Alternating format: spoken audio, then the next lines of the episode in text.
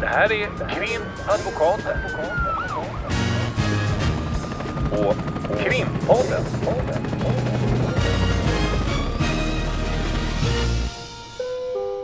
Parter och ombud kallas till sal 32. Hej Ulrika! Hej Lotta!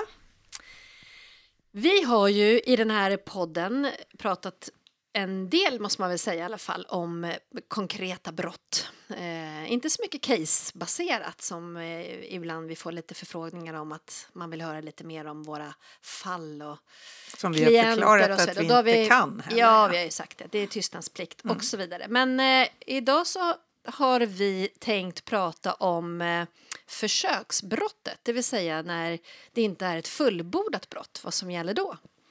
Ja, och då är det ju så att eh, när man pratar om fullbordade brott, det är ju om, det är ganska, det är kanske inte så jättesvårt att förstå, men fullbordat är ju att, att någon har mördat en annan person eller något har, någon har slagit en annan person, misshandel eller Någon har hotat med kniv och tagit en plånbok från en annan person. rån. Ja.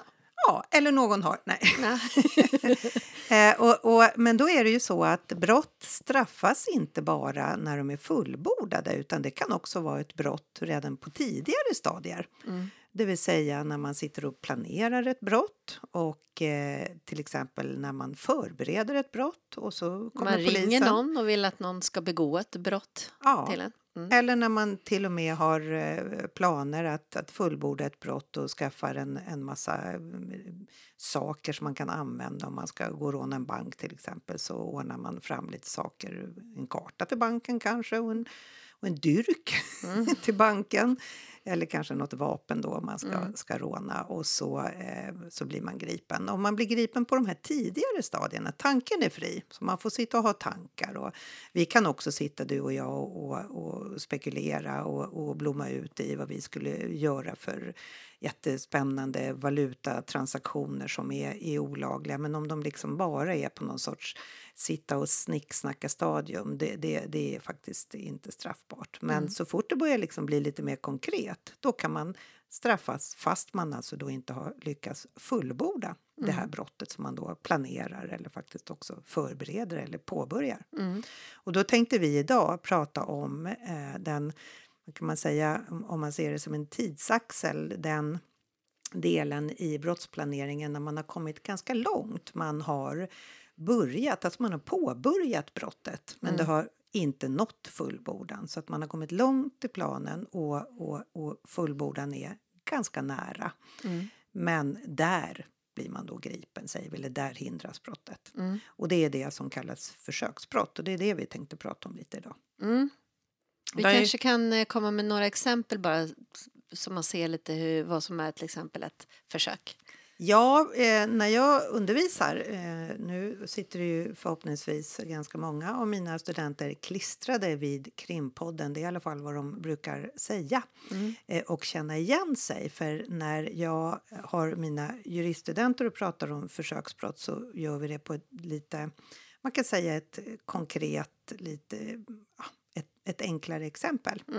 Och då får de också lösa frågor kring det. Och då har vi ett exempel som är en eh, kvinna, jag tror hon brukar heta fru Andersson. Eh, hon eh, vill av någon anledning, som i höll i dunkel, ha ihjäl sin make. Och då har hon fått läsa eller fått höra via skvaller att om man häller ner salt i äppelsoppa, då blir det ett dödligt gift. Så hon gör ordning en äppelsoppa och sen häller hon ner salt i den här äppelsoppan. Hon är ingen sen, hejare på att googla man tror. Nej, det, det, det känns som att hon... Hon går på hörsägen. Hon går på hörsägen, precis. Hon tänker det här låter ju habilt. Eh, det var konstigt att jag inte har hört det här tidigare men jag litar på uppgiftslämnaren. Och då så ska hon då skapa detta dödliga gift eh, så hon kokar ihop en äppelsoppa och sen häller hon ner salt i den här äppelsoppan. Och sen serverar hon det till herr Andersson som snafsar i sig den här äppelsoppan och tycker den smakar lite illa men eh, vågar väl inte klaga på det. Han kanske är lite rädd för henne, kanske han har anledning att vara. I vart fall så tänker hon attans då, det funkade ju inte. Det gick ju inte att ha ihjäl honom med salt i den här äppelsoppan. Vad ska jag göra nu? Så då eh, googlar hon Och så tar hon, eh, får hon in uppgifter om att om du häller ner arsenik i äppelsoppan så kommer det nog gå lite bättre. Mm. Eh, och då eh, så går hon och fixar fram arsenik. Då brukar alltid mina studenter se lite frågande ut och undra vad arsenik är för någonting. Och då har jag lärt mig att man kunde ända fram till 70-talet tror jag jag fick höra av någon köpa arsenik i färghandeln.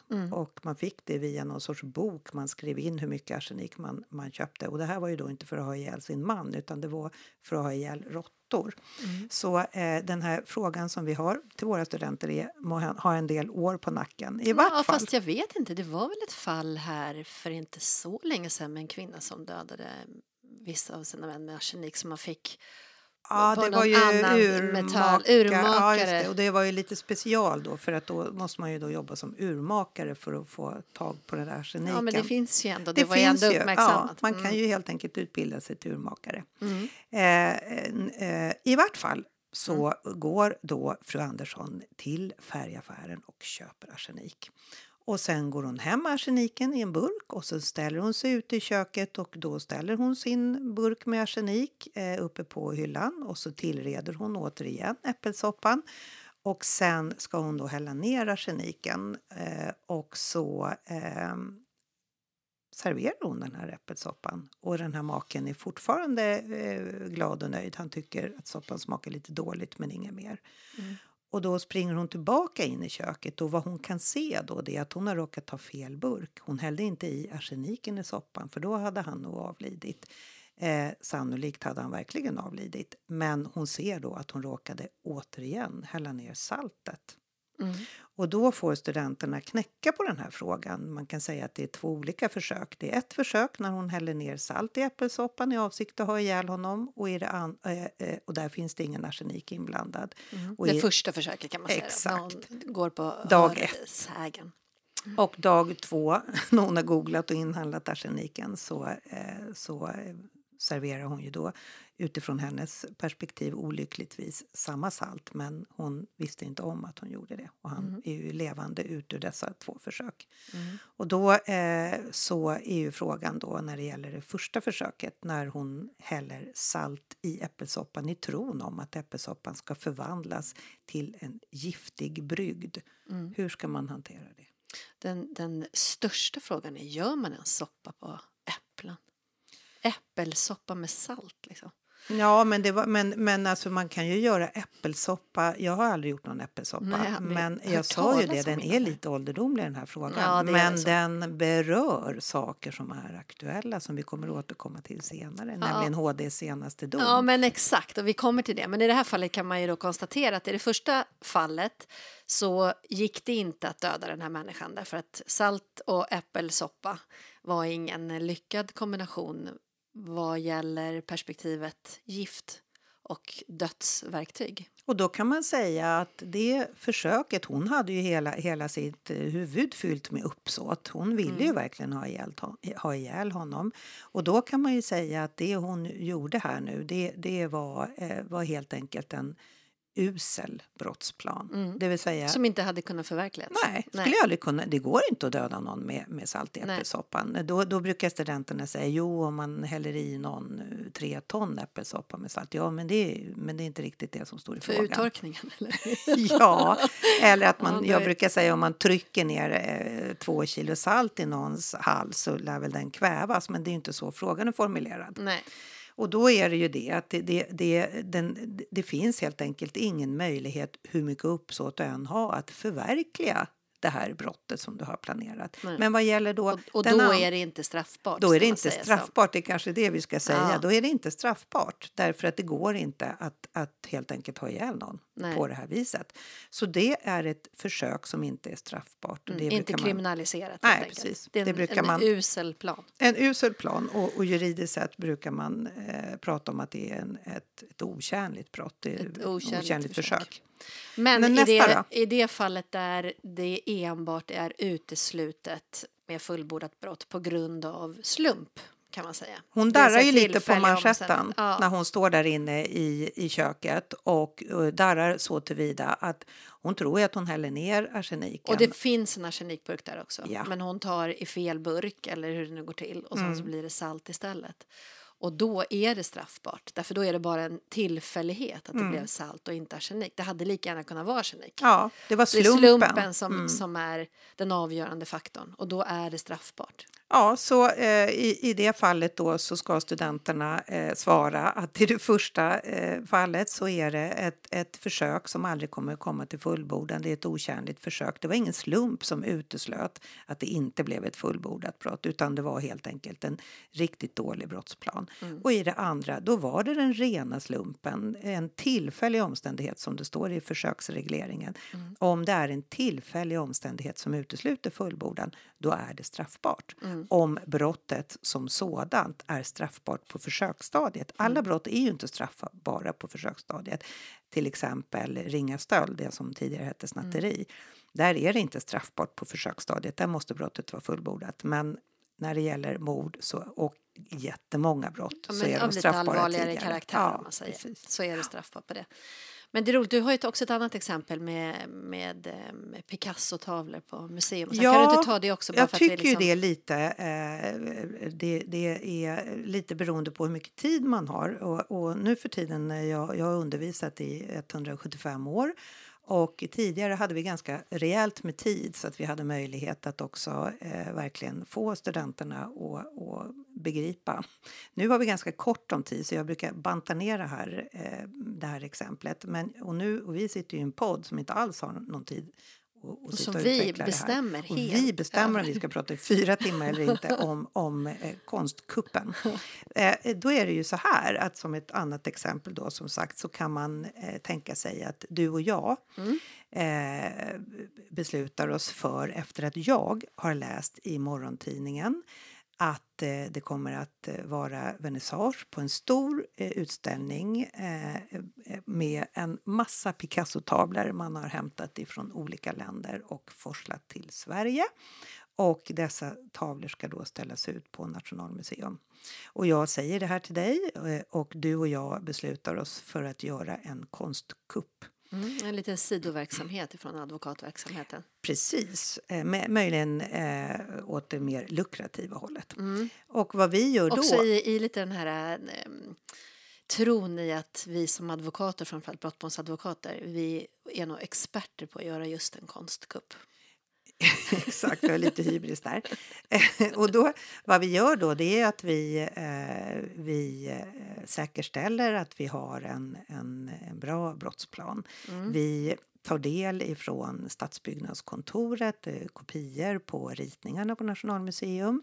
Vi tar del av, lyckas få ut eh, hur vakt, eh, alltså vil- vilken typ av vakt eh, Securitas-ish eh, man har eh, och hur, hur eh, ronderingarna kommer att se ut så vi vet när, när vakterna kommer att passera det här aktuella rummet, där den, det stora rummet på Nationalmuseum där de här tavlorna ska hänga. Vi går på sjukt många besök på Nationalmuseum. Ja, precis. För enorma anteckningar. Vi betalar kontant. Betalar kontant. Och Ja. vi bränner också samtliga avsnitt av Oceans 11, 12 och Det är precis det vi gör. För att bli inspirerade. Det, vi, exakt, och vad vi gör också det är att vi, vi vet ju, för vi har ju sett eh, de filmerna så vi vet ju att man har ju eh, också såna här eh, dioder eller lys, att man har, vad heter det här, Du blåser eh, typ laser. Precis.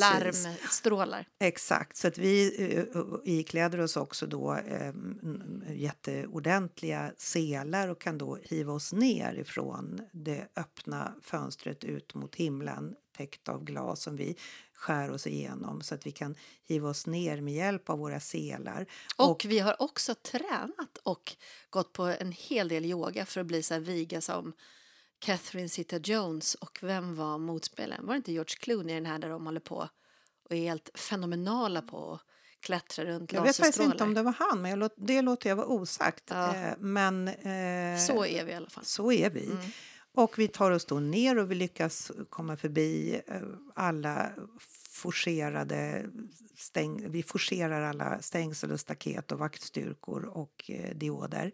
Och när vi då äntligen landar på golvet och ska öppna vår stora säck där vi ska lägga ner alla dessa Picasso-målningar så inser vi, vi ser, inser inte utan vi ser, ja där hänger det bara en massa Carl Larsson-målningar. Och vi är inte intresserade av den typen av konst och vi blir oerhört besvikna. Så vi hivar oss upp med hjälp av, av alla våra teknikaliteter och tar oss därifrån. Ja, i besvikelsen kan man väl lägga till. så väldigt. missar vi alla de här laserstrålarna och all träning och allting så att vi grips på plats.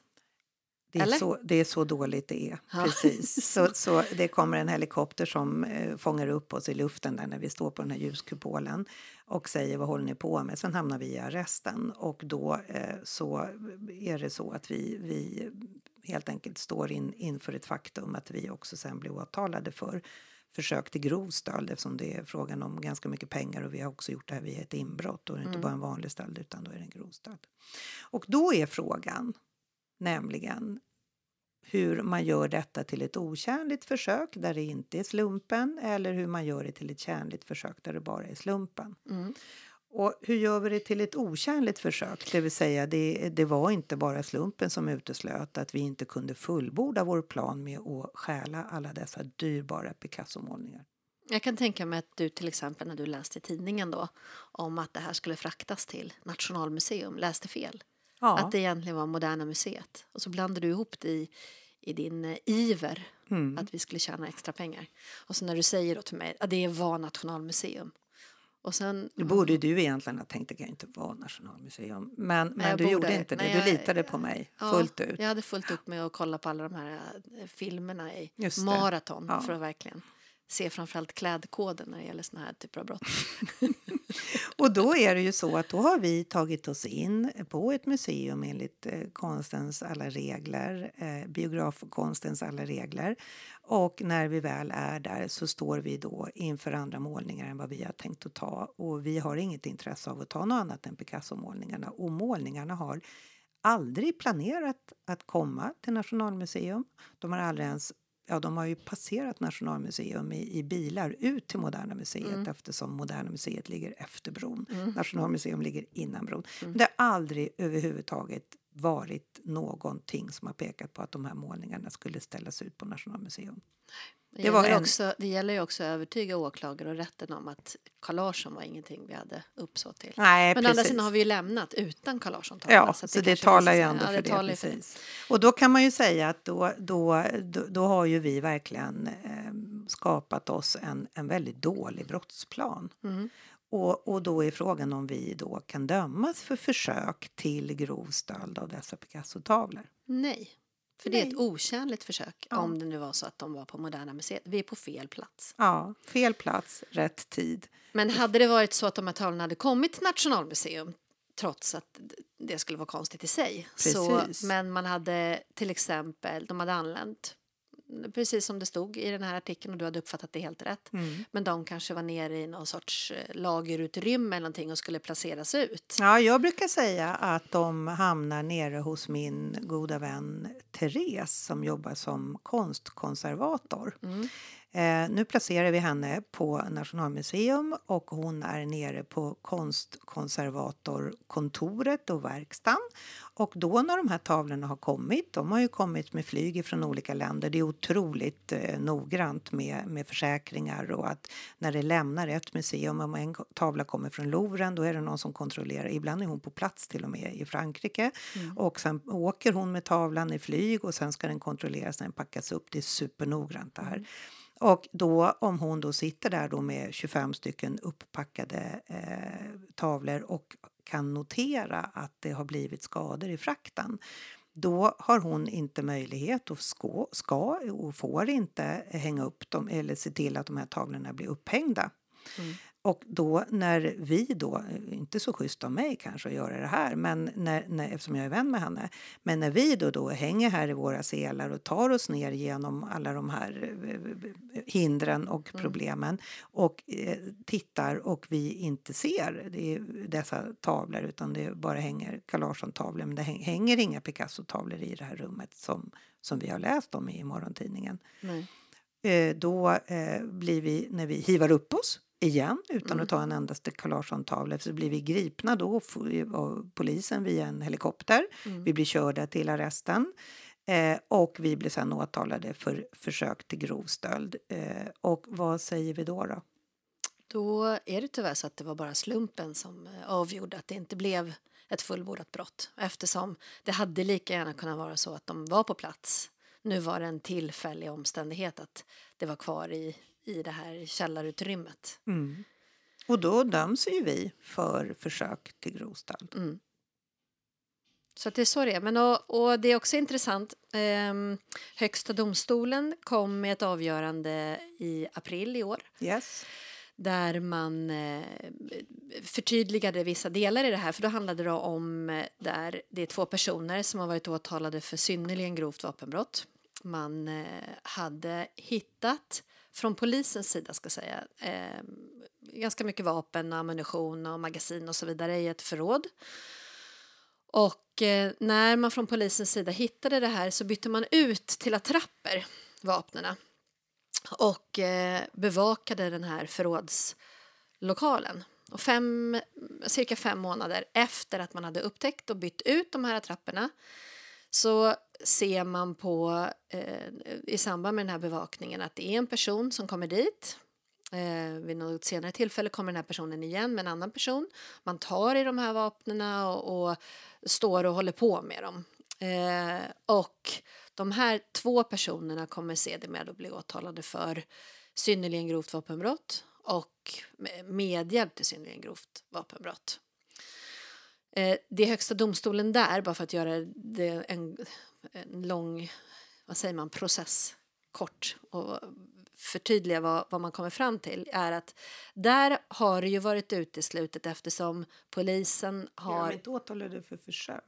Ja, ja. Ja, för de tar ju inte vapnen Nej, nej, nej, försök. Ja, exakt. Försök till, eftersom det då är ett försök till innehavet, att man har stått där och hållit på liksom med det. Så de har varit där i den här vapengömman och, och fibblat med vapnen. Mm. Ja, men de har precis. inte lämnat har vapengömman med gjort. vapnen? Nej, men det är helt rätt. Mm. Eh, och eh, det man då konkretiserar ifrån eh, Högsta domstolens sida är att eh, i och med att man inte kan säga någonting annat än att deras uppsåt till det här innehavet uppstår när man ser dem på den här filmen och det är ju fem månader ungefär efter det att man har bytt ut ifrån polisens sida till attrapper.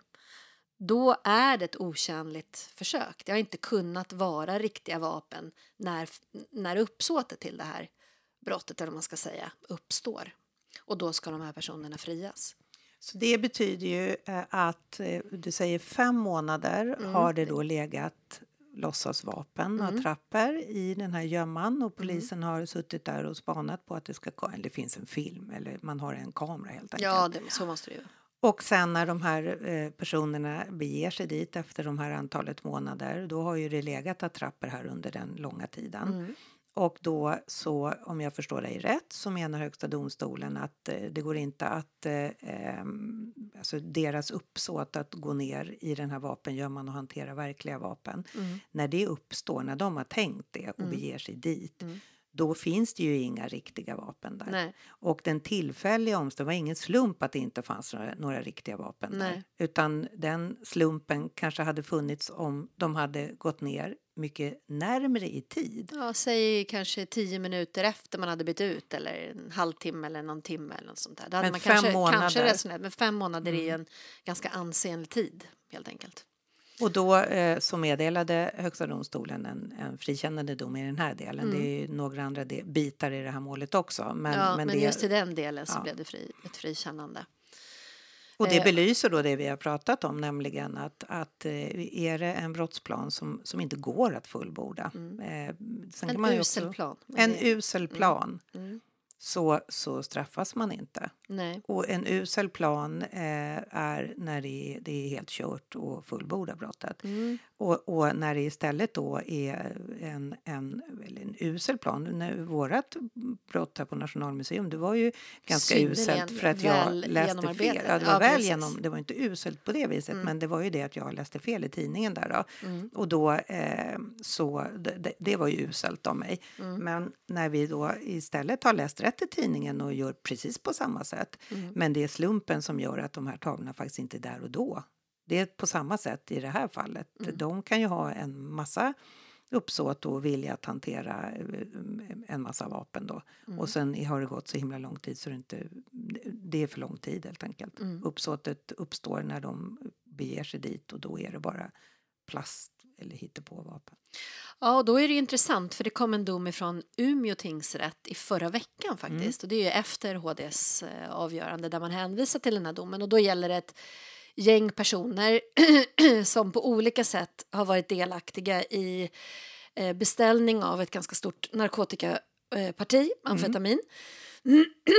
och man eh, Eh, vissa har då eh, hämtat ut och vissa har förvarat det och, och någon har legat bakom hela beställningen och, och så vidare. och så vidare. Den person som har tagit, det är en person som hämtar ut det, det är en person, en ung kille som tar emot det här paketet som man har hämtat ut, alltså själva beställningen, som förvarar det en kortare stund hemma hos sig och sen ger det vidare. Vad Det här- innehåller det här paketet? Det här paketet eh, som eh, skulle ha innehållit då ganska stor mängd amfetamin har polisen i samband med att det anlände till det här postutlämningsstället blivit misstänksamma över och man har bytt ut amfetaminet mot någonting annat som inte är ett illegalt preparat, alltså ingen narkotika.